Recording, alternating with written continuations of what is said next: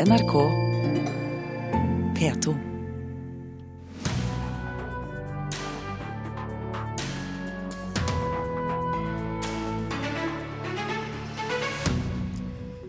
Den norske filmen 'Burning' er årets mest sette film så langt.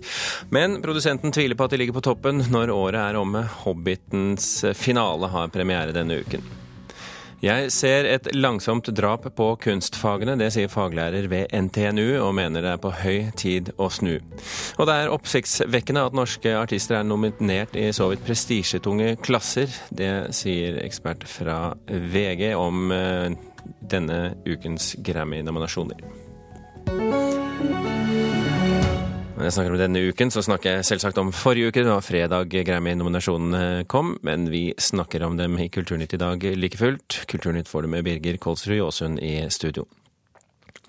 Den norske filmen 'Burning' er så langt årets mest sette film på kino. Bilfilmen ble laget uten offentlig støtte, med 30 millioner kroner i budsjett og et utall dugnadstimer. Nå er det bare premiereklare 'Hobbiten' som kan vippe den norske filmen av tronen. Kommet hit for å preike, Roy. Herfra til Sinsen. Sinsen? Gardermoen, da. Trondheim. Nordkapp. Hemmeligheten er å lage en god film. Det føler jeg at vi har gjort. Det sier Burning-produsent Jon Jacobsen om at over 380 000 nordmenn har sett filmen hans. Vi har også registrert at den spiller for hele familien. Eh, Uten å være en familiefilm. Den spiller for bestefar og far og bestemor og mor og sønn og datter. Og eh, det går veldig langt ned i alder, og det går veldig langt opp i alder. Like stort spenn har kanskje ikke filmen som kaprer en foreløpig andreplass, 'Doktor Proktors prompepulver'. Nummer tre på lista er 'Kaptein Sabeltann og skatten i Lama Rama'. Vi har en skatt å finne.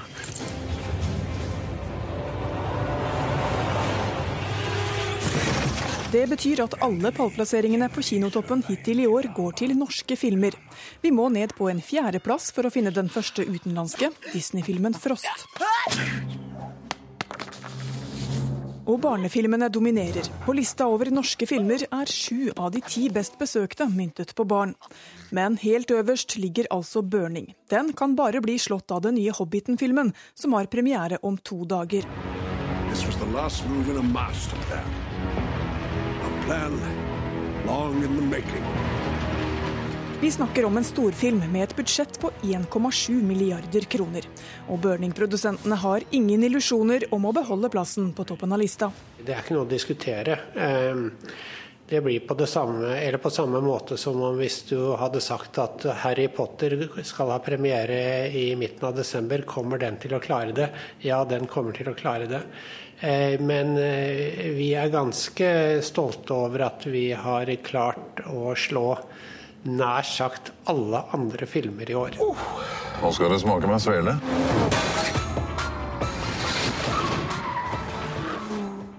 Reporter her, det var Une Marvik Hagen. Og hittil i år har drøyt 2,5 millioner nordmenn sett norsk film på kino. Det er i hvert fall det antall billetter som er løst. Det er eh, 12% flere enn på samme tid i fjor, til tross for at det totale kinobesøket som sådan har gått ned.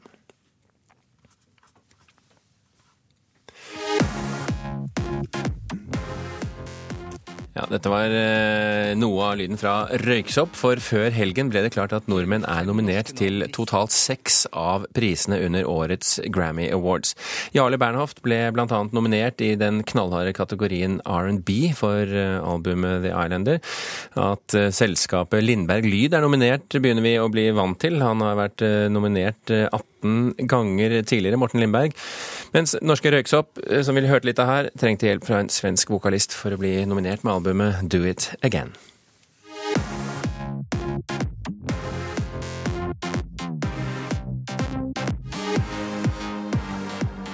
Hele fem norske navn i seks kategorier var med da listen over Grammy-nominerte ble presentert på fredag.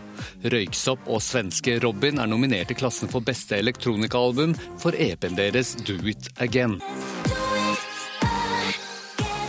Og Det betyr at de skal kjempe om prisen med solide artister som Afex Twin og Dead Mouse under showet i Las Vegas i februar.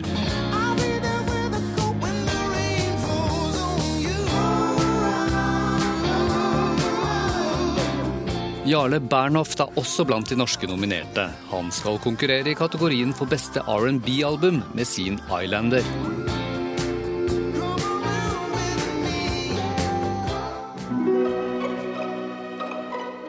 Den norske musikkprodusenten Morten Lindberg er nominert i to kategorier. Beste surround-album for arbeidet med Remote Galaxy med Flint Juventino Beppe, og beste klassiske musikkprodusent. Lindberg har vært nominert til Grammy hele 18 ganger tidligere.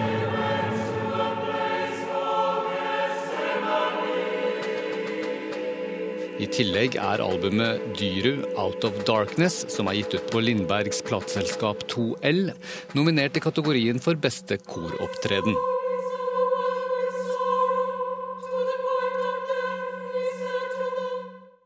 Ja, Det var eh, reporter Petter Sommer som ga oss dette overblikket. Stein Østbø, musikkjournalist i eh, VG. Hva betyr det å bli nominert til en Grammy-pris? Jeg tror det betyr mye mer enn hva folk egentlig forstår, fordi dette er jo musikkbransjens eh, Oscar, og det blir mye eh, ståhei rundt norske filmer som endelig blir nominert til eh, Oscar. Så det er nesten påfallende hvor lite oppmerksomhet disse to oppsiktsvekkende Grammy-nominasjonene har fått, egentlig. Jarle Bernhoft er altså nominert i R&B-klassen for mm. albumet Islander. Hvor overraskende er det? Ja, Det kommer veldig overraskende på Jarle selv, som tvitra at eh, endelig har han fått eh, kategorisert musikken sin som, eh, som R&B. Han var ikke sikker, han var i tvil, men han, ikke, han utelukket det ikke. Nei da, Grammy Knows skrev han, og det er klart at han kunne også havna i, i flere kategorier. Men R&B, en amerikansk musikkreform som en, en, nordmann kommer og tar en nominasjon i, det, det er klart det er veldig stort. og for det er en knallhard konkurranse der? Det er knallhard konkurranse, og dette er noe som alle bør forstå at eh, når du kan turnere rundt eh, i USA neste gang som eh, å putte Grammy-nominert foran navnet ditt, så vil det vekke oppsikt. Røyksopp, det er jo heller ingen en, Det er ikke noe walkover i den kategorien heller? Nei, Røyksopp har jo vært inne i Grammy-nominasjonene tidligere, men det, det, var jo med et remix-album. Eh, det er klart at eh, Er du direkte nominert i elektronikaklassen, så, så er det virkelig en fjær i hatten. Og ikke minst for Røyksopp, som, eh, som har kjempa seg fram på det amerikanske markedet også, helt av egne midler i, i så mange år. Så dette er virkelig en, en, stor nominasjon. Og hva skal vi si om Morten Lindberg og Lindberg Lyd? Altså, dette er den 18. nominasjonen. Ja. Han har riktignok ikke vunnet, men dog. Nei, Det er på tide at, eh, at, Morten får en pris. Eh, han har kjempa hardt eh, for det her. og Jeg snakket med han senest i fjor i forbindelse med Grammy-nominasjonen, og da vurderte han å ta en tur. Han vant ikke. Men jeg tror kanskje han bør ta en tur til i år, for han fortjener en pris nå. Men hvordan vurderer du vinnersjansene for disse tre i, i år, da? Det er selvfølgelig helt umulig å si, men prøv. Ja. Nei, altså Man skal jo være litt patriot og, og håpe at vi har uh, visse sjanser. Men uh, Grammy er jo også et ganske stort politisk spill, hvor amerikansk platebransje sitter og de store plateselskapene holder uh, stort sett i trådene. Så vi skal være veldig fornøyd med at vi fra Kalle Norge har fått såpass mange nominasjoner som vi har gjort i år. Og, og hvis det blir en seier, så er det veldig overraskende? Er det det du sier? Ja, jeg vil si at det er overraskende, men ikke dermed mindre imponerende. og herlig. Vi får krysse fingre og se hvordan det går, Stein Østbø fra VG. Takk for at du kom til Kulturnytt. Takk.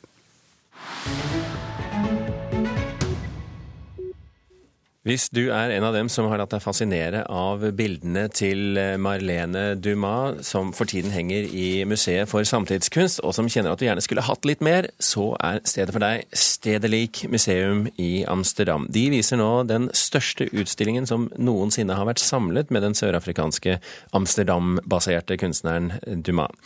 Mona Palle Bjerke, kunstkritiker her i NRK, du mener at eh, Dumas er en av de mest innflytelsesrike kunstnerne for tiden. Hvorfor det? Jo, det, er helt klart at hun er betraktet som det. Og jeg tror det handler om at hun klarer å både adressere problemstillinger i tiden, samtidig som hun gjør dette gjennom et ekspressivt, malerisk formspråk. Og slik så uh, på en måte løper uh, samtid og historie sammen i prosjektet hennes og gir det en veldig styrke. Okay.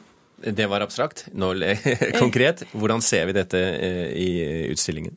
Jo, det er eh, Hun er opptatt av menneskeskikkelsen, Malene Dumas, og særlig er det ansikter som virkelig interesserer henne.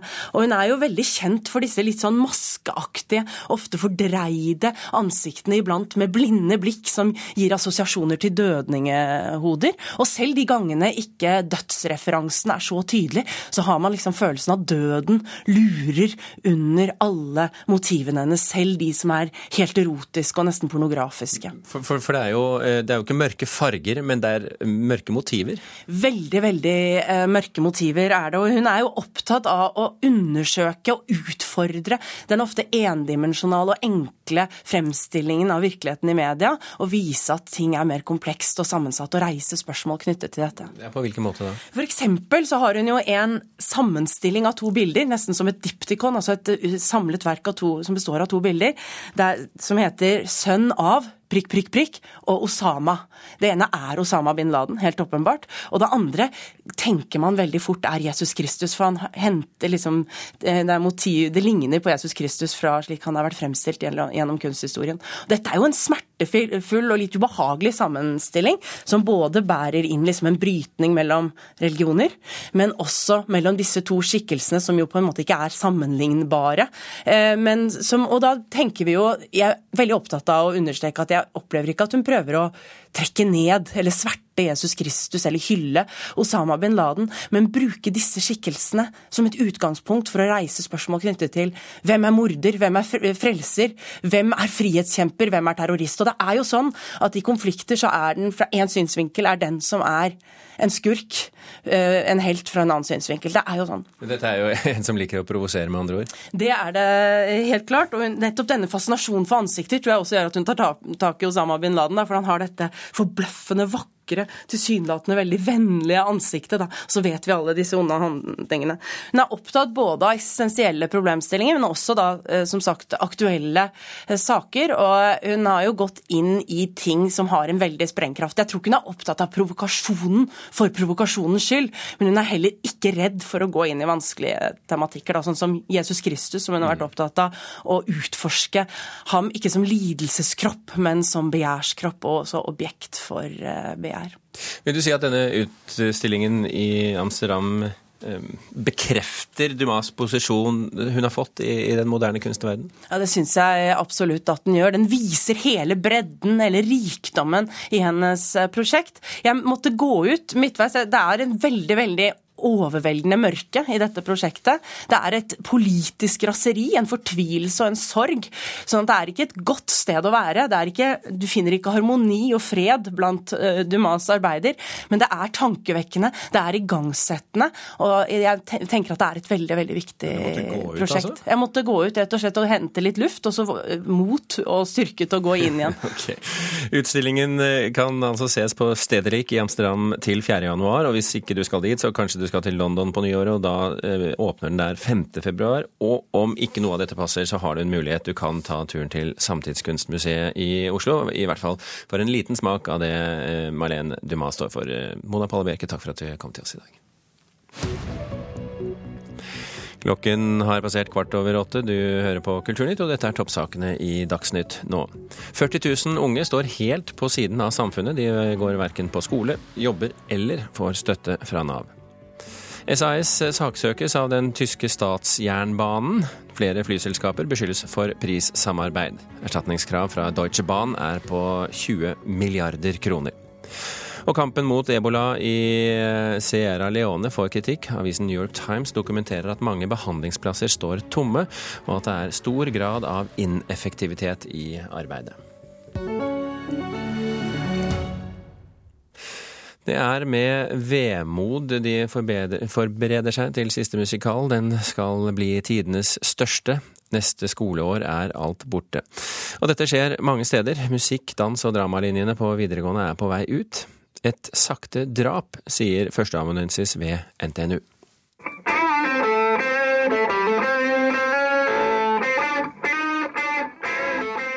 Jeg ser en trend med et eh, langsomt drap vil jeg si det, ganske kraftfullt på kunstfagene i skolen, særlig grunnskolen. Sier Tone Pernille Østern, førsteamanuensis i kunstfagdidaktikk ved program for lærerutdanning ved NTNU i Trondheim. Hun skal vi komme tilbake til. Først en tur til Bjugn, på Fosen videregående skole. Her er musikkelevene i ferd med å planlegge skolens siste musikal.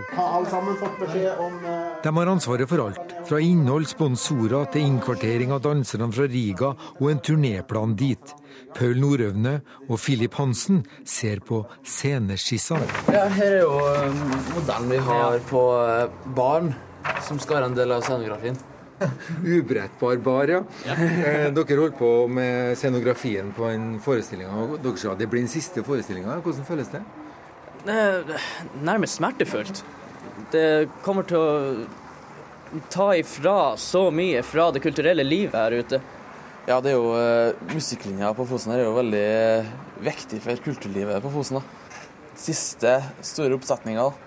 Vi har jo bestemt oss for at det skal bli det største. Det er for få søkere til musikk, dans og drama her, mener fylkeskommunen å legge ned. Trenden i Norge er klar. Kunstfag taper terreng. Det blir ikke verdsatt i grunnskolen, mener Tone Pernille Østern. Ja, for det her er en trend som du kan se i, i læreplansutvikling uh, og i styringsdokumenter. Og som påvirker litt sånn på sikt. Hun viser til at lærerne fra 2003 kunne velge bort kunstfag, og at det ble færre timer fra 2006. Altså, vi har lærere i skoler som ikke har noen grunnleggende forståelse eller verdsetting for kunstfag i det hele tatt. Det betyr samtidig at man eh, ikke viser elevene at det her er en verdifull kunnskap eh, som det er verdt å satse på, eh, og som så kan lede til at man f.eks. søker seg videre til kunstfagene.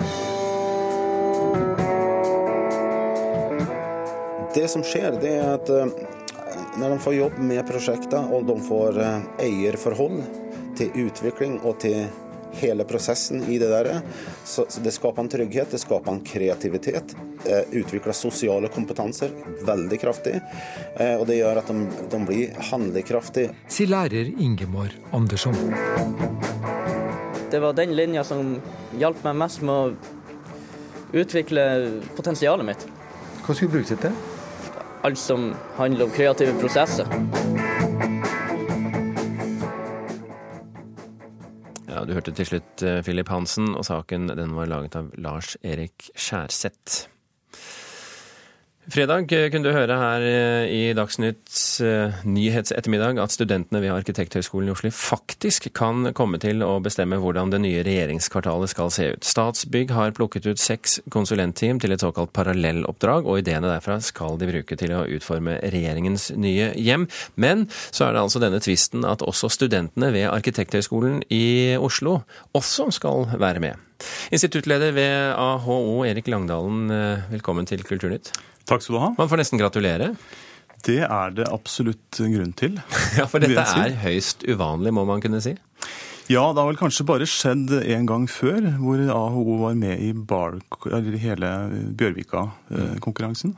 Men det er sjelden. Ja, Og nå er det altså det nye regjeringsbygget. Jeg snakket med, med, med kommunalminister Sanner på fredag. Du kan høre hva han svarte da jeg spurte om han hadde mot nok til å la studentene eh, sine forslag eh, komme med i det nye regjeringskvartalet, hvis de var best. Ja, selvfølgelig, hvis de, hvis de gjør det. Men, men, her skal det jo komme mange ideer. Og jeg tror at Statsbygg i det videre arbeidet kommer til å plukke de beste ideene fra de ulike miljøene. Så det betyr eh, altså svart på hvitt, eh, Langdalen, at dine studenter kan komme til å bestemme hvordan det skal se ut i regjeringskvartalet. Hvordan kjennes det? Det kjennes jo veldig bra, for jeg tror studenter har en mulighet til å se ting på en helt annen måte enn folk som har vært ute i praksis på en, på, i lang stund. Hvordan da? Nei, altså studenter er jo, Vi er jo i en studiesituasjon, og vi har jo nå vi har jo satt av et år til regjeringsbygget. Så i høst har vi jo stilt et masterkurs hvor studentene har jobbet med regjeringskvartalet i, allerede i fire måneder nå som stilles ut i neste uke. Og nå skal vi da i gang med denne konkurransen. Så det er klart at studenter Sånn som vi har sett i høst, så har studentene kunnet se på hele denne problematikken veldig vidt. Og nå fantastisk å gå inn i en helt reell konkurranse med de rammene den selvfølgelig har. Mm. Hva vil det si for læringen til studentene at de får jobbe med et prosjekt som dette? Nei, spesifikt med en konkurranse som er, eller en, en parallelloppdrag, en prosess som er reell, det er jo en helt eh, fantastisk mulighet for å teste på en måte se skolen i forhold til virkeligheten. Eh, vi skal jo ha en akademisk posisjon og, og kjempe for den, men vi skal også eh, være i virkeligheten. Så denne, denne, måten, eh, denne anledningen er en fin måte å gjøre det på. Men det krever jo en voldsom skjerping, vil jeg tro, i forhold til eh, prosjekter som man kan være litt mer fantasifulle med? Jeg vet ikke. Det er, eh, vi jobber jo utrolig skjerpet hele tiden på skolen, selvfølgelig. Og eh, vi tror at altså, nå må vi jobbe å insinuere at dere ikke gjorde det. jeg Altså. skjønner at du eh, men, men her skal det jo liksom de facto bygges hvis det er god nok idé. Ja, det skal det jo. Men, men skolens relevans går etter min mening Den er reell eh, på, på alle måter. Men, men, men, men, men allikevel, dette, dette at det, det kan komme til å brukes. Uh, og Jeg sier ikke at det kommer til å bli, men det kan komme til å brukes. Gir det en spesiell um, utfordring til studentene dine? Absolutt. Uh, Jeg tror nok uh, i denne situasjonen så hvor man jobber med et så symbolladet bygg, eh, område og viktige bysammenhenger, så er det jo eh, eh, så er det jo liksom nå eh, man må komme opp med noen veldig gode og relevante forslag som er eh, på en måte godt grunnet. da. Man kan ikke bare fantasere. Nei, og dette, jo, eh, dette er jo et område som eh, det er, det er jo lite, og det skal veldig mange kvadratmeter inn der. Og man eh, har samtidig bestemt at byrommene skal være gode. Så enten skal byrommene være gode, så må man bygge høyt, og eh, det får man mest sannsynligvis ikke lov til. Så da må man eh, antageligvis finne veldig gode løsninger på kontor. Eh, Oppsettet, altså hvordan folk skal jobbe. Eh, Det er veldig mye læring her, antagelig? Utrolig mye læring. Eh, Man, man kan sannsynligvis ikke gå i gang med denne prosessen uten, som du sier, uten å tenke på en måte på kontorarbeidsplassen. Så det er en utrolig ambisiøs oppgave, og, og det er noen veldig strenge rammer som, som gjør at, at dette blir en kjempeutfordring, og, men en morsom utfordring, interessant utfordring. Vi får se til våren hvordan studentene dine klarer seg, og så får du hilse dem eh, og ønske lykke til. Det skal der, der, der har konkurranse de møter fra de andre seks konsulenttimene. Uansett, eh, Erik Langdalen, tusen hjertelig takk for at du kom til eh, Kulturnytt.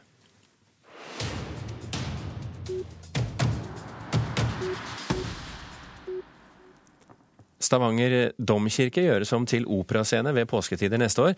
Komponist Ståle Kleibergs kritikerroste 'David og Batseba' eh, skal for første gang fremføres som fullverdig opera. Det skjer med profesjonelle solister samt eh, sang- og musikkstudenter fra byens universitet.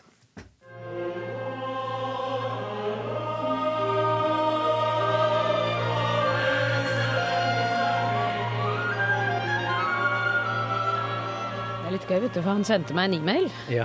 Og så sa han Elisabeth, vil du se på dette verket? Jeg vet at dere holder på med en litt sånn interessante prosjekter. Og så bare hørte jeg på det, og jeg bare falt pladask.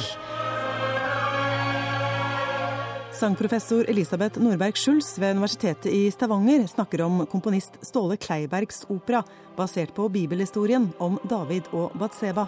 Så det tok omtrent en uke det fra, Så var det gjort. fra ja. Så dermed blir David og Batseba neste års studentopera i Stavanger. Som vanlig med Norberg Schulz som kunstnerisk leder. Men det skjer ikke i universitetets egen sal denne gangen. Akustikken, ja. Det er noe annet. Det er virkelig noe annet. Den på den fine akustikken. Valget falt passende nok på en kirke, nærmere bestemt middelalderkatedralen Stavanger domkirke. Til stor glede for Ståle Kleiberg, som er fra Stavanger. Selv om det har vært gjort faktisk på mange steder. Det har vært gjort i Tyskland og i Nederland og flere steder. Men eh, faktisk aldri en sånn full scenisk versjon som nå. Og det at det skjer akkurat her, det er veldig spesielt for meg.